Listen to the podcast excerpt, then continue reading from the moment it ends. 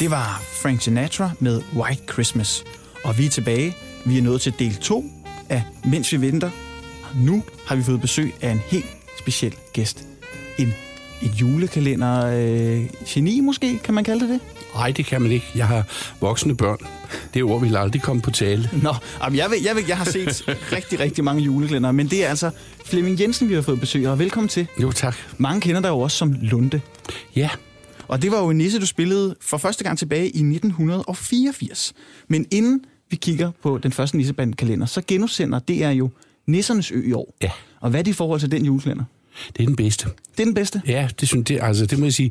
Jeg har jo været involveret i dem alle tre, og øhm, nu er det jo mest som instruktør og forfatter. Mm. Øhm, jeg har jo skrevet dem, og, og øh, sammen med komponisten Hans Dahl. Ikke? Ja. Øhm, og øh, man kan sige, at, at jeg synes, de har sådan en stigende kurve. Den første, det var i virkeligheden en række revysketches øh, omkring nisserne i Vandmøllen. Ja. Øh, den næste, den fik sådan en meget klar, enkel øh, opbygning, ja. øh, og havde jo Grønland som sådan, ikke? Jo. Og så den tredje, øh, Nissernes Ø, der synes jeg, at jeg ved godt, de fleste kan bedst lide øh, Grønlandskalenderen, Ja. men, men, øh, men manuskriptet er langt bedre. Øh, spillet er, øh, er... Altså, den er faktisk på alle parametre øh, den bedste, synes jeg. Ja. Men det sker ikke nogen af dem, der så kommer og siger, og ja, vi kunne nu bedre lide der, hvor det var i Grønland, for det er ikke så godt med nisser og palmer. øh, hvor jeg så siger, er, er I klar over, at i Nissens Ø, der er der gennemsnitligt syv minutter i Grønland? Hver gang, er det det, sagde de, nej, det er det ikke, det er noget med, de løber rundt over nogle palmer. Det siger lidt om, hvordan folk de ser tv nu om dage, Ja. at man kan se 24 udsendelser, hvor jeg gennemsnitligt syv minutter er i Grønland, uden de opdager det. Men jeg tror Nej, også- det er den, jeg er gladest for. Det er ikke rigtigt. Det er ikke rigtigt. Nej, fordi der er faktisk en, som du måske ikke kender. Jul i For- hjemmeværnet, hvor Nej. du var oplæser i 2001. Nej. Nej. nej, jeg synes, den, nej, nu taler vi Nissebanden. Nå, okay. Nissebanden, det er Nissebanden 4. Ja. Det er faktisk den, jeg er gladest for. Den kom ikke i fjernsynet, det var aldrig meningen. Nej. For fem år siden, der skrev jeg en øh, musical til Odense Teater. Ja. En stor familiemusical, som hed Nissebanden i julemandens land. Og hvad handlede den om? Ja, den handlede, man kan sige, jeg øh, er blandet historien. Jeg skrev en ny historie Ja. ja. med afsæt i Næsbanden i Grønland og Nissernes Ø. Mest Næsbanden i Grønland, mm. men også en del Nissernes Ø. Meget, meget melodistoffet er det samme, Ja. fordi folk er glade for det, men der er også ny musik i. Øhm, og det er faktisk den, hvor jeg synes, jeg kom rigtig tørskoet i land, og jeg glæder mig, det kan være, det her er sådan set en lille breaking news, Øh, Vi har lige besluttet at sætte den op igen til næste år, så der skal jeg over til Odense Teater, som er meget tæt på at være Danmarks bedste teaterbygning. Ja. Og der skal vi lave en stor familiemusical igen. Ej, det glæder jeg mig til. Jeg fik ikke set den for fem år siden, Nej. så jeg vil helt klart tage toden til næste ja. År. Det vil jeg glæde mig til at se. Og du siger, at nogle af sangene er de samme. Og sangene er jo meget, meget kendte for de her juleklænder. Og man kan sige, at sangene udviklede sig jo også, men fordi der gik jo faktisk 13 år, 14 år gik der mellem Nissebanden i Grønland og Nissernes Ø. Hvorfor gik der så lang tid, før at den her trilogi blev af? Nu er det så en øh, kvadrologi, kan man kalde det, med en musical ja. Øh, i halen, eller ligesom i slutningen. Men hvad? Hvorfor gik der så lang tid? Altså, jeg skal være helt ærlig, Ja, fordi jeg lavede andre ting. okay. Men havde, havde den været planlagt siden? Øh, Nej, nej, 89? det overhovedet ikke. Øhm, øh, det, det, det, det var det ikke. Det var også noget med, at ideen var der, fordi vi følte egentlig, at med Nissebanden i Grønland, øh, der havde vi så hvad skal vi finde på mere? Fordi det ultimative julemanden bor i Grønland. Mm. Øh, nu laver vi en, der foregår i julemandens land i Grønland. Øhm, og så tænkte jeg, jamen det er jo, det er jo ikke til at... Hvordan skal man matche det, eller øh, toppe det? Øh, så var det, at jeg så fandt ideen. Øh, jeg tror også, det udsprang af, at vores land jo efterhånden skal med globaliseringen skal rumme flere forskellige grupperinger. Forskellighed er blevet en ting, vi ikke er vant til. Mm-hmm. Og derfor var det for mig vigtigt at lave en julekalender. Der kommer man virkelig bredt ud. Øh, en julekalender, der foregår i øh, de tre smukkeste steder i verden, på St. Croix i Grønland og i Holme Olstrup, øhm, og så ligesom vise, at verdener kan være forskellige, men mennesker er ens. Så derfor var der en, der var lige pludselig en tanke, der så matchede det, og vi kunne stadig have Grønland med. Og det er også nogle fantastiske juleklænder, de her tre. Og som jeg lige nævnte kort før, så var du oplæser i afsnit 14 af Jul i Hjemmeværnet, hvis du kan huske det. Det kan jeg ikke. Det, det kan jeg ikke. det, er den første, det er den første voksenjuleklænder, som blev sendt på DR. Nå. Faktisk DR2. Det var Anders Avarni, der lavede den i sin tid. Og så spillede du faktisk også julemandens hjælper i alle tiders julemand. Ja, det kan jeg huske. Kan du huske ham? Ja, det kan jeg godt huske. Ham har vi rundet i en tidligere episode. ja. ja, lige præcis. Ja. Han var jo i virkeligheden en langt værre personlighed, end du afbilder i din juleklænder. Ja, ja, men øh, det skulle være lidt rundt og fint, ikke? Og så gjorde jeg jo, som Martin Miranar sagde, jeg var jo bare skuespiller. Ja, det er rigtigt. Ikke? De andre var jeg, var jeg jo... Det er jo sjovt, for de andre nissebanden, jeg tænker aldrig på mig selv som skuespiller i den forbindelse. Jeg spillede bare Lunde, fordi nu var jeg der alligevel. Ja. Ja. De kunne godt have fundet en anden tyk skuespiller. S- Så du så dig selv sådan i Lunde? Brugte du nogle af dine egne træk, da du skulle spille ham? Det ved jeg ikke. Altså, det, jeg vil hellere sige det omvendt, at når man skriver alle de figurer, Ja. så er der jo lidt af en selv i samtlige figurer. Ja, det er nok I varierende grad. Øh, og jeg tror som en, der er lige så meget... Altså, hvis jeg skulle sige, når jeg sad og skrev dem, der, hvilke der var mine yndlingsfigurer, dem jeg elskede at skrive replikker til primært, det var ikke Lunde. Lunde, han var bare funktion. Øh, nej, det var herr Mortensen, Ja. og det var Fifi Jørgensen. Ja, det er jo også nogle af de mest elskede personligheder ja. For de juleklænder. Ja. Men altså, nu skal vi også snakke lidt om, hvad man sådan kan bruge tiden til. Nu sidder vi jo den 24. december, det er juleaften lige om lidt. Vi har gennemgået øh, tidligere sangen i aften er det juleaften med Mark Lefebvre, og så snakker vi lidt om juletv. Og så faldt jeg over en julespecial fra 1998, hvor du er med i Flemming Jensen, sammen med Jesper Klein og Claus Ryskær og Per Pallesen. Farse til fire. Ja. Kan du huske det? Ja, ja. Dem, dem var jeg meget glad for. Det var faktisk meningen, vi skulle have lavet flere af dem. Ja. Af de der fase til fire. Øhm, med os fire, og så var det Henrik H. Lund og mig, der skrev dem, og jeg instruerede dem. Ja, jeg så nemlig, øh, at der er lavet otte afsnit, og ja. det sidste ottende afsnit, man kan finde det på dr.dk-bonanza, det er en julespecial. Findes Bonanza stadig? Ja, det gør det. Nå, jeg troede, det lå ud og hed noget andet. Nå. Jamen, det findes stadig, okay. Og der ligger simpelthen det her jule, øh, den her julespecial. Ja. Og det er jo en lidt speciel størrelse. Hvad gik Fars til 4 ud på? Ja, Fase til fire var jo et forsøg på at lave tosset satire light, Ja. øh, hvor Henrik, og, og ideen var, at de blev sendt hver uge, og det blev ikke sendt direkte, for man skulle kunne klippe det til, men det blev sendt med to timers, altså det blev optaget live, Ja.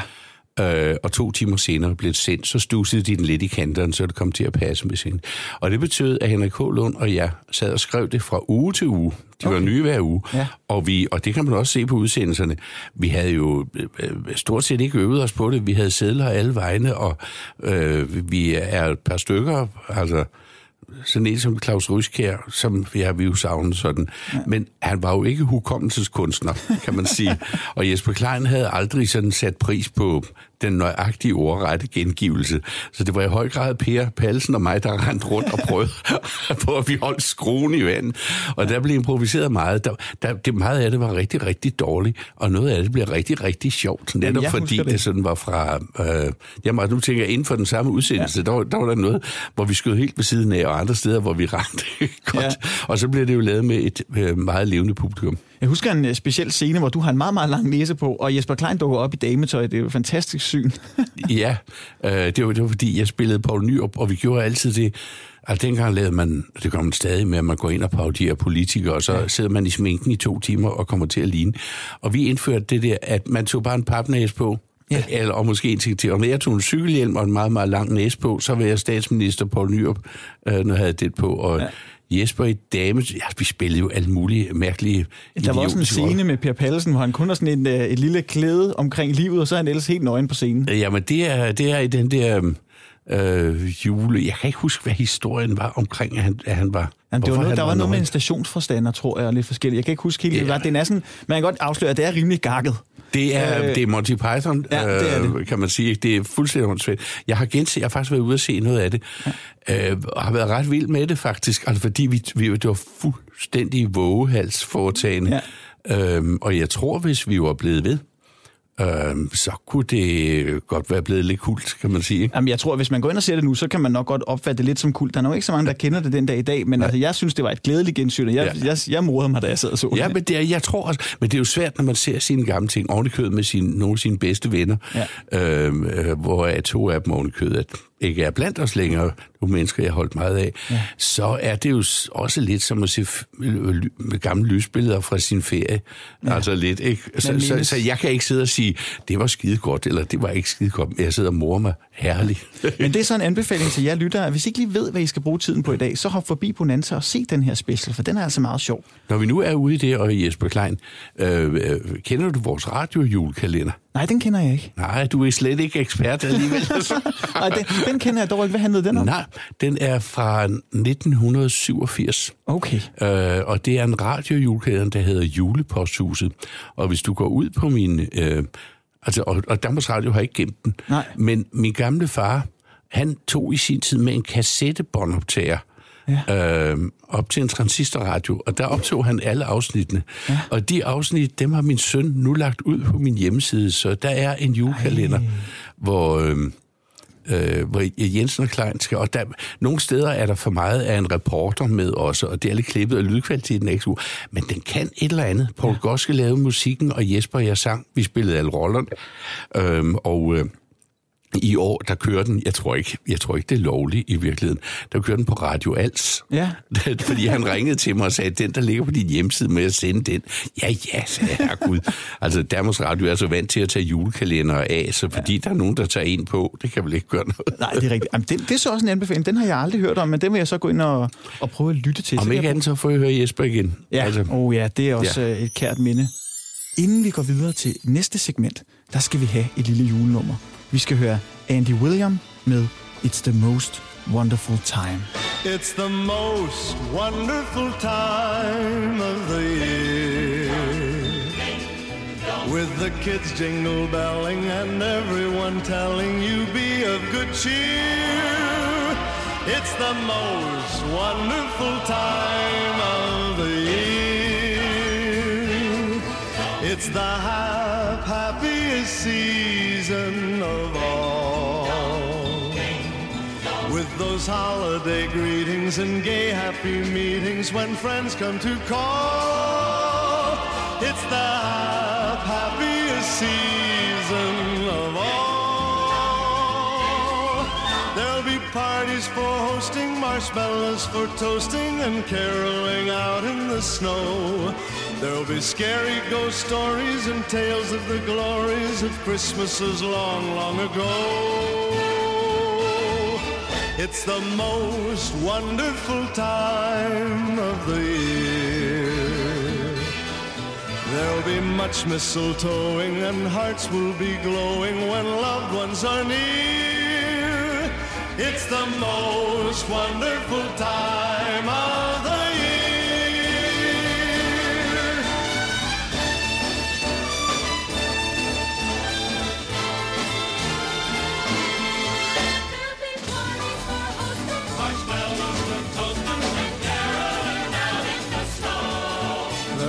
scary ghost stories and tales of the glories of Christmases long, long ago.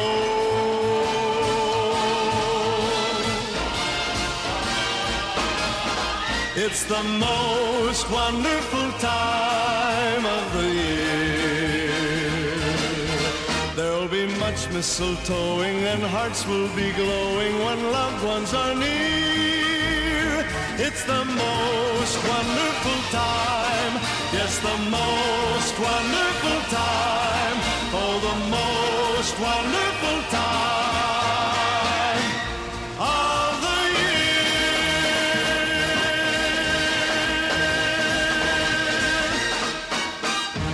Det var Andy William med It's the Most Wonderful Time. Og nu skal vi snakke lidt om en ting, der betyder meget for os danskere, nemlig en hvid jul. Og i Danmark, der siger man, at en hvid jul, det er, hvis 90% af landet er dækket af sne, og det skal altså ikke bare være lidt rin eller lidt drys, det skal være cirka en halv centimeter. Og hvis man regner lidt på det, så har vi i gennemsnit, så det er cirka hver 12. år, at vi har en hvid jul. Det skete i 1915, 1923, i 38, i 56, i 69, i 81, 95, og så to år i træk i 2009 og i 2010. Betyder øh, en hvid jul noget for dig, Flemming Jensen? Nu var den jo hvid i Nissebanden i Grønland, for eksempel. Ja, det var svært at undgå. Ja. øhm, altså, jeg er jo så gammel, så jeg har prøvet at køre i kane til kirke. Nej. ude på landet. Det lyder Øh, hyggeligt. På Sjælland. Det har jeg prøvet en gang. Kan du huske, hvornår det var? Ja, nej, men jeg kan jo regne mig til, at det må have været i starten af 50'erne. 56 kan det så nok være. Det kan godt passe. Ja. ja. Og man siger... Så det er den eneste gang, jeg har prøvet det. Okay. Og man kan sige, at det, det, man, cirka en hvid jul, chancen for en hvid jul, den ligger på cirka 8 procent. Og hvis man kigger ud af vinduet nu, så er der jo desværre ikke noget sne. Der er nok omkring sådan 6-8 grader, og ja, det der klassiske danske jul, som vi kender det, den er grøn, den er grå. Men betyder det noget for din juleaften, Flemming? Jamen, det gør det jo, fordi vi har jo sådan et lille glansbillede inde i vores hoved af, hvordan jul skal være. Ja. Altså, øh, men jeg tror også, det er derfor, mange har haft svært ved at stå på øh, den julekalender, der hed Nissernes Ø, fordi de vil jo være, de vil være sne, ja. kan man sige. Du kan sige sådan en som øh, Jul i Gammelby, Ja. øh, som på mange måder 1979. dramaturgisk var, en, øh, var problematisk, men alle kan huske traileren, Ja. øh, hvor der var de der billeder med børn, der kælkede, og så skide være med resten. Ja. Som, der var der udmærket ting, det er ikke mere det, men øh, det, var- det er traileren, der trækker, og som er, er det ligesom... Nå, nu skal jeg passe på, at ikke røge ud af en tangent. Men selvfølgelig øh, har vi nogle, nogle billeder ind i vores hoveder om, hvordan, øh, hvordan jul ser ud. Nu har jeg ja. to gange prøvet at holde jul på de tidligere dansk-vestindiske øer Ja. øh, under palmerne, og det, det var en strålende jul. Ja. Men jeg må jo sige, at de gange, og jeg har været heldig at opdage, og opleve det flere gange, hvor jeg har holdt jul i Grønland, øh, det er toppen. Øh, der, der, der, der, fordi herhjemme, der er, hvilket er smukt, der herhjemme er julen familiens jul. Ja. Deroppe er det samfundets jul. Okay. Jeg boede i en lille bitte fangerbygd med 170 mennesker, og øh, der var det samfundet. Man gik, det var ikke familien, det var samfundet. Mm. Og det i løbet af juleaften, første og anden juledag, øh, der skulle alle rundt og in- inviteres til kaffe hos alle. Okay. Altså, så skal Det man sige, i løbet af tre dage, samtidig med, at de tæskede ind og ud af kirken, så drønede de øh, rundt, og så skulle alle, både på besøg hos alle, og sørge for at være hjemme, når alle kom på besøg hos dem. Rent matematisk kan det sådan set, hvis det ikke lader sig gøre. Men det kan det, og det er en del af julens under. Så gør de så det, altså det er de bedste jule, jeg har oplevet. Ja. Øh, at om eftermiddagen, så går alle børnene rundt øh, og stiller sig foran husene. Altså For- i juleaftensdag. Juleaften, Ja. juleaftensdag, ja. Der går, der går de rundt, og så om eftermiddagen, så stiller de sig uden for huset, og så synger de tre julesange. Så kommer de ind, så får de kaffe og kage. Nej, det kunne vel godt jeg, de får sodavand eller kage. De får et eller andet, hvad huset nu formår. Det er ikke altid så meget. Så videre til et nyt hus, men så har været hele bygden rundt. Det var så det. Så først på aftenen, så går alle de unge mennesker, nøjagtigt samme tur, synger tre sange foran hvert hus, kommer ind, får noget, noget lidt godt. Og så sidst på aftenen, der går alle de voksne rundt tre. Samtidig med, at de går på kaffe med hos hinanden, samtidig med, at de drøner øh, ud af en. Det er fuldstændig fantastisk. Og det der billede af at kigge ud af sit vindue, øh, og så se øh, folk stå udenfor og synge julen ind for en ude i sneen. Det er fantastisk. Hvis man vil have en fornemmelse af, hvordan det er, så kan jeg anbefale afsnit 24 øh, i Nissernes Ø, Ja. jeg slutter med, at den grønlandske familie, noget af det sidste er, at den grønlandske familie øh, står samlet, kigger ud af vinduet, og det, så kigger de så ned på en flok grønlandske mennesker i nationaldragt selvfølgelig, som står, hvilket er fuldstændig autentisk, og synger i sneen i Umanak, øh, synger de øh, julesang. Hvor fint. Og Rasmus Lybert tager sin kone, Kærlig, og siger, en dejlig jul som aldrig før. Det er meget dejligt. Ja, så du har nogle helt specielle juletraditioner. Men hvis du skal holde jul i Det er så ikke mine, det er de grønlandske jo. Ja, men du, du har jo så taget dem til dig og ja. Har fejret jul på den måde. Ja. Det er jo sådan lidt særligt. Jeg har praktiseret at tage til Norge og fejre jul, sådan ja. Ja. væk fra, øh, ikke væk fra familien, men tage familien med, og tage varerne med også, for det kan godt blive dyrt, når man tager til Norge. Ja. Og så ligesom tage til en hytte op i et skiområde, og så bare være der. Ikke fise rundt til julefrokost, der bare hygge sig og holde jul. Det er meget kan, jule. Det kan også noget. Det har jeg også gjort, da Ja. ja. børnene var små. Ja.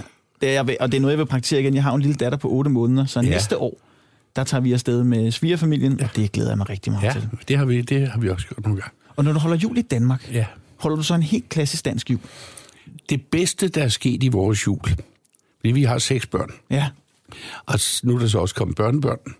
så er der at være mange. 11, det er et helvede. Hold da øhm, men øhm, det bedste, vi gjorde i vores jul, det var på opfordring af vores søn. Ja. Og nu får sådan en som dig sikkert et chok.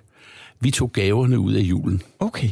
Fordi til sidst var det det, det drejede sig om. Ja. Og vi kunne ikke se træet for bare pakker, og alle løb fuldstændig forvirret rundt og sådan noget. Så besluttede vi på min søns opfordring, øh, det var fordi nu var han så blevet så stor, så han skulle til at betale selv. Nej, men og det var jo hårdt for økonomierne, og, så, og alle dem, og vi var mange, og så skulle vi prøve at tage julen ud, og så lave et lille pakspil, hvor alle har en lille pakke med, der højst må koste 50 kroner. Mm. Og så laver vi spillet, det er ret indviklet, og det starter med, at alle har en pakke med, og det slutter med, at alle får en pakke ud af det. De ved bare ikke, hvilken. Øh, og det der fik vi julen tilbage, fordi ja. den var ved at forsvinde, og den var ved at drukne fra det. Og det har vi holdt lige siden.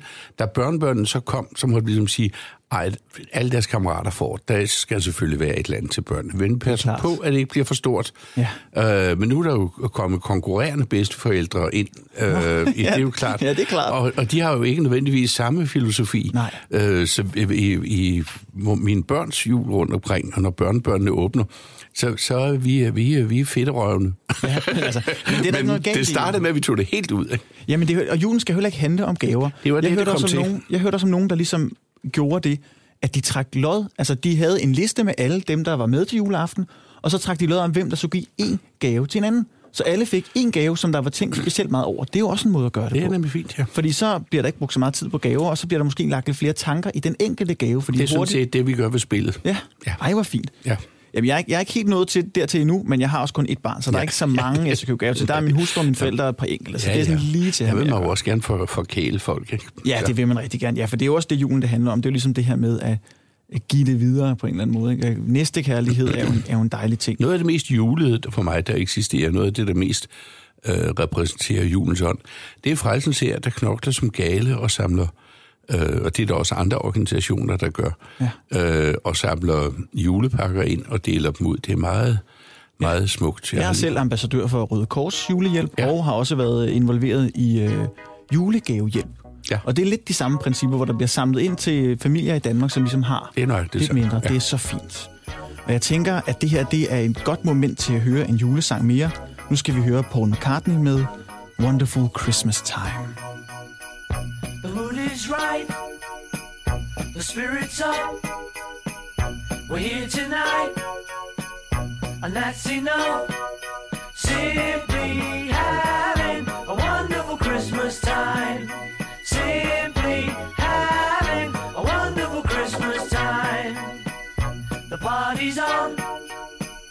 The feeling's here. That only comes this time of year. Simply having a wonderful Christmas time. Simply having a wonderful Christmas time. The choir of children sing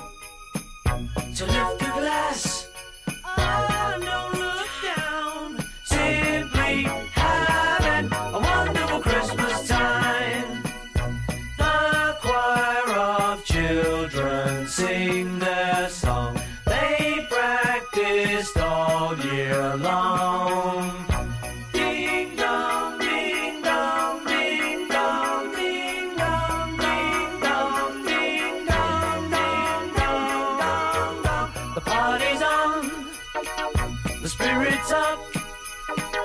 We're here tonight, and that's enough. Simply having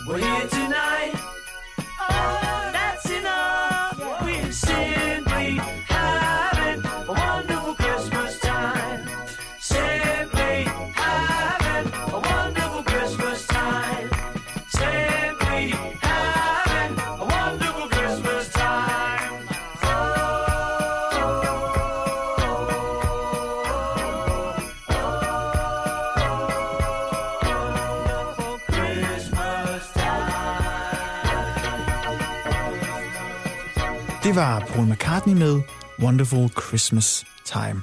Og nu er det for alvor ved at være tid til, at vi snart skal pakke sammen herinde i studiet. Vi skal hjem og fejre jul. Vi skal spise den gode julemad, og vi skal danse omkring træet.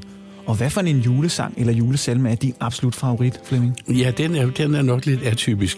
Øh, den stammer fra 1973, øh, hvor jeg boede i Grønland på det tidspunkt. Ja. Og der havde vi ikke haft... Øh, vi havde ikke haft øh, forbi- vi boede 40 km inde i bunden af Umanak Isfjord i en lille bygd, og vi havde ikke haft forbindelse til hovedbyen Umanak i lang tid, og jeg vidste, at juleposten lå derinde, og i forvejen var det jo sådan, at vi jo kun fik post hver måned eller hver halvandet måned. En forretningsmodel, som PostNord i øvrigt jo er ved at, at efterligne. Øh, men så jeg var helt syg, jeg måtte have juleposten. Ja. Og isen, decemberisen var, havde lagt sig lidt sent. Ja. Men så synes vi til sidst, den var... Jeg, risikerede faktisk livet lidt ved at køre 40 km over åbent vand, åbent vand med tynd øh, is, og det er kun fordi saltvandsis er så sej, at det kunne lade sig gøre. Der kørte jeg så på hundeslæde Ja. ind til Umanak, og det sidste stykke, der måtte jeg parkere hundene ude på en isflage, og så hoppe fra, fra sten til sten. Og så da jeg så kom ind, så tænkte jeg, jeg vil købe nogle juleting med, for herinde har de en butik. Det Ja. vi jo ikke derude. Så gik jeg ind for at se, der må være nogle spændende juleting. Der var ikke en huende fis. Så hen på en plade, der, hen på et, der stod der en juleplade. En blå en. Jeg har den endnu Ja. øh, en øh, juleplade, hvor den franske Mireille Mathieu og hele hendes familie synger franske julesange. Den tog jeg med hjem sammen med juleposten, og den er siden blevet øh, indbegrebet, og det er, da- det, er, det er der sådan set meget kvalm, for det er jo hele familien selv, de et lille barn, min, ja. min kone hader, når man kommer til det, hvor, den, hvor det hæsebarn, hvor det hæsebarn synger. Det er en del af vores jul. Det er på Ja. ja. det tidspunkt, når min kone bliver rasende, når vi kommer til. Men den har vi spillet lige siden. Mine børn har kopieret den. Den ja. kører nu i deres hjem også, og det har bredt sig. Der er faktisk efterhånden en del hjem, hvor Ri- Mireille Mathieu's familie, der synger franske Så hun skylder dig et par koda penge. ja. vi Så det er vores juleplade nummer et. Nummer to er en, jeg har fået fra forfatteren Henrik H. Lund, fordi ja. han har skrevet oversættelsen. Det er Gustav Winklers juleplade. Og oh, den er også god. Ja, men man vil jo ikke sætte livet på spil for det. Nej, det, det vil man ikke. Nok ikke. Vi har faktisk også en speciel øh, julemusiktradition omkring træet hjemme hos os. Vi hører Anders Fransen. Han har nemlig lavet en juleplade for mange år siden med otte julenumre. Det er alle de klassiske, man kender Ja. for træets grønne top, men det er bare indspillet af Anders Fransen, og så kan han ligesom synge for, når vi går rundt om træet. Og det gør Ja. det hele sådan lidt mere, lidt hurtigere og lidt nemmere, fordi der er go- godt tempo på. Ja, Så der er ligesom gang i den der. ja. Og det, er- det er altså også en hyggelig tradition, så det er jo måske en anbefaling til jer lyttere, hvis I kan finde en fransk juleplade, hvad den hed. Jamen, det, er- det er Mireille Mathieu, altså den franske sangerinde og hendes ja. familie. Jeg kan ikke... Øh, den hedder et eller andet med Noël. Ja. Øh, No- Noël, eller sådan noget lignende. Øh, jeg tror ikke, den er til at finde. og jeg tror ikke, den er noget særligt, hvis den ikke har den specielle historie. Nej, det er rigtigt. Men det kan jo være, at lytterne vil tage specielle, den specielle historie, historie til sig. Ja. Det er jo en hyggelig lille historie. hvert fald. Jamen også, så kan de bare kaste sig ud i trafikken og sætte livet på spil for at få fat i en eller anden juleplade, så bliver den speciel. Det er rigtigt. Og det skal vi også vende lidt tilbage til, senere, fordi vi har et par gode råd til, hvordan man kommer igennem en afslappende juleaften. Men først, så snakkede vi lidt om her under julenummeret, at øh, julekalender generelt, hvis vi skal sætte os ned og se alle dem, inden øh, klokken slår 16 for eksempel, der er Disneys juleshow, eller vi skal spise klokken 18, så bliver det svært at nå, fordi Mhm. der er simpelthen så mange, både nyproducerede og gamle, der kører igen. Og det havde du en holdning til, Flemming? Ja, ja, ja, jeg har en, en, erfaring, kan man sige. Da jeg var involveret i min første julekalender, så var der kun i den. Ja. Øh, det, det, var, det var Danmarks julekalender. Det betød, at vi fik det, som alle leder efter med lys og lygte, nemlig en, en øh, national fællesnævner. Når børnene mødtes i skolen næste dag, så havde de en, en fælles referenceramme, noget at tale, noget at tale om, og det var virkelig noget særligt. Øh, nu sker der det, at alting bliver druknet i overkill. Og jeg har foreslået flere gange, seriøst og virkelig at sige, det er dog utroligt. Hvis der er øh, prinsebryllup øh, eller noget i den stil, noget i kongehuset, så kan øh, i hvert fald DR og TV2 godt finde ud af at samsende. Hvis der er en fuldstændig afsindig vigtig landskamp, så kan de finde ud af at samsende. Ja. Hvorfor? I stedet for at kyle ressourcer ud på 900 forskellige julekalender, hvorfor slår de to store kanaler i hvert fald sig? Så ikke sammen og siger, vi laver Julekalenderen. julekalender, og det er Danmarks julekalender. Den bliver sendt samtidig på, øh, på begge kanaler. Hvad sker der ved det, herre Gud? Så får man set det, så er det Danmarks julekalender. Vi er gået sammen om den. Der er ressourcer nok, fordi vi har slået, slået os sammen. Øhm, det kunne blive så yndigt, og så blive enige om, at det er familiens julekalender. Og alle de der, der sidder til høje lønninger rundt omkring på kontorerne, kunne man sige, ved I hvad, vi taler slet ikke målgrupper nu. Glem målgrupper, glem fokusgrupper. Vi laver den til familien, og det vi laver det, som vi synes, det skal være. Se, det vil være en landvinding, øh, når man taler så meget om landets sammenhængskraft. Men det er der selvfølgelig ingen, der gør, fordi lortet kan jo sælges. Ja, men det smager lidt af, hvad man gjorde i, i 79, eller op til julekalenderen Jul i Gammelby skal la- skulle laves. For der var nemlig fire forfattere, der fik øh, en opgave, og det er, at de skulle skrive den nye julekalender. Og den kom jo året efter fru Pickelop og juleposten, så var en ganske forfærdelig kalender med stillbilleder, hvor der blev læst op af Osbro men der var fire forfattere. Der er ikke noget vej med Osbro. Intet. Nej. Men fru Pickelop var forfærdelig. Han gjorde også et valgkom, øh, voldsomt comeback året efter i netop Jul i Gammelby. Men den ene forfatter gik hurtigt ud, og så snakkede de tre andre forfattere om, i stedet for at vi konkurrerer, hvorfor så ikke sætte os ned og skrive en julekalender sammen. Mm. Det var ikke meget for ideen, men de gjorde det, og det endte jo med at blive en fantastisk julekalender. Fordi Nu elsker øh, øh, man jo i DR og andre steder konkurrence. Man skal helst have så mange som muligt til at konkurrere sig sønder ja. sammen, i stedet for at, øh, at give det. Det er jo- grunden til, at Hans Dahl og jeg har, været heldige med de julekalender. Det var, at det var en tid, hvor Mogens Vemmer stod for BRU, ja. Og han bestemte. Og han sagde, jeg stoler på jer. Værsgo, færdig arbejde. Så var der ikke mere. Der var ikke nogen, der blandede sig. Der kom ikke nogen fra oppe i huset. og Vi fik fred og ro og tillid, og man vokser i tillid. Øhm, og man øh, respekterede vores arbejdsproces. Ja. Tænk, vi fik ikke løn for det, men de betalte dog turen. Hans Dahl havde aldrig været i Grønland, da vi skulle lave Grønlands julekalenderen. Godt, sagde vi.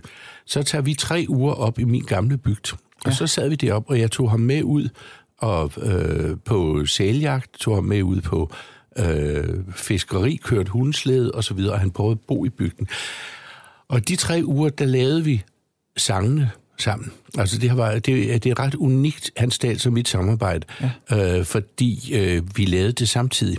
Normalt er det jo sådan, at man skriver en tekst, og så er der en øh, komponist, der skriver øh, Musik. musikken.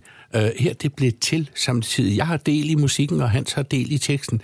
Øh, det, vi havde så hver for sig vores professioner, der gjorde, vi havde... Det er klart. Altså, men, men det der med, at det voksede ind i hinanden, og jeg bilder mig ind, man kan høre på Hanses musik, at han har været der, og jeg tror ikke, den havde lyttet på samme måde, hvis man sagt, hvorfor skal de derop for? Han kan da sagtens finde ud af at lave nogle toner. Det vil aldrig ske i dag, at man i den grad respekterede den kreative proces. Det vil aldrig forekomme. De vil tro, jeg var sindssyg, hvis jeg foreslog det. Men se, det er sådan, man laver kvalitet. Ja, og øh, også det modsatte, fordi i 1980, der husker jeg nemlig en anden julekalender, hvor øh, Mogens Vimmer også gav øh, frit spil til, øh, til Paul og Nulle, og den blev jo meget udskilt. Ja. Dog skal det siges, at jeg har set de 12 afsnit, der ligger på førnævnte Bonanza, ja. og de er faktisk ikke så dårlige. Nej. Altså, det er meget sort, og det er meget sådan forud for sin tid i forhold til, hvad man ser i dag. Ja. Og den kan faktisk et eller andet, vil jeg mene. Den hedder jo Jul og Grønne Skove, Ja, og var ja. DR's julekalender 1980. Ja.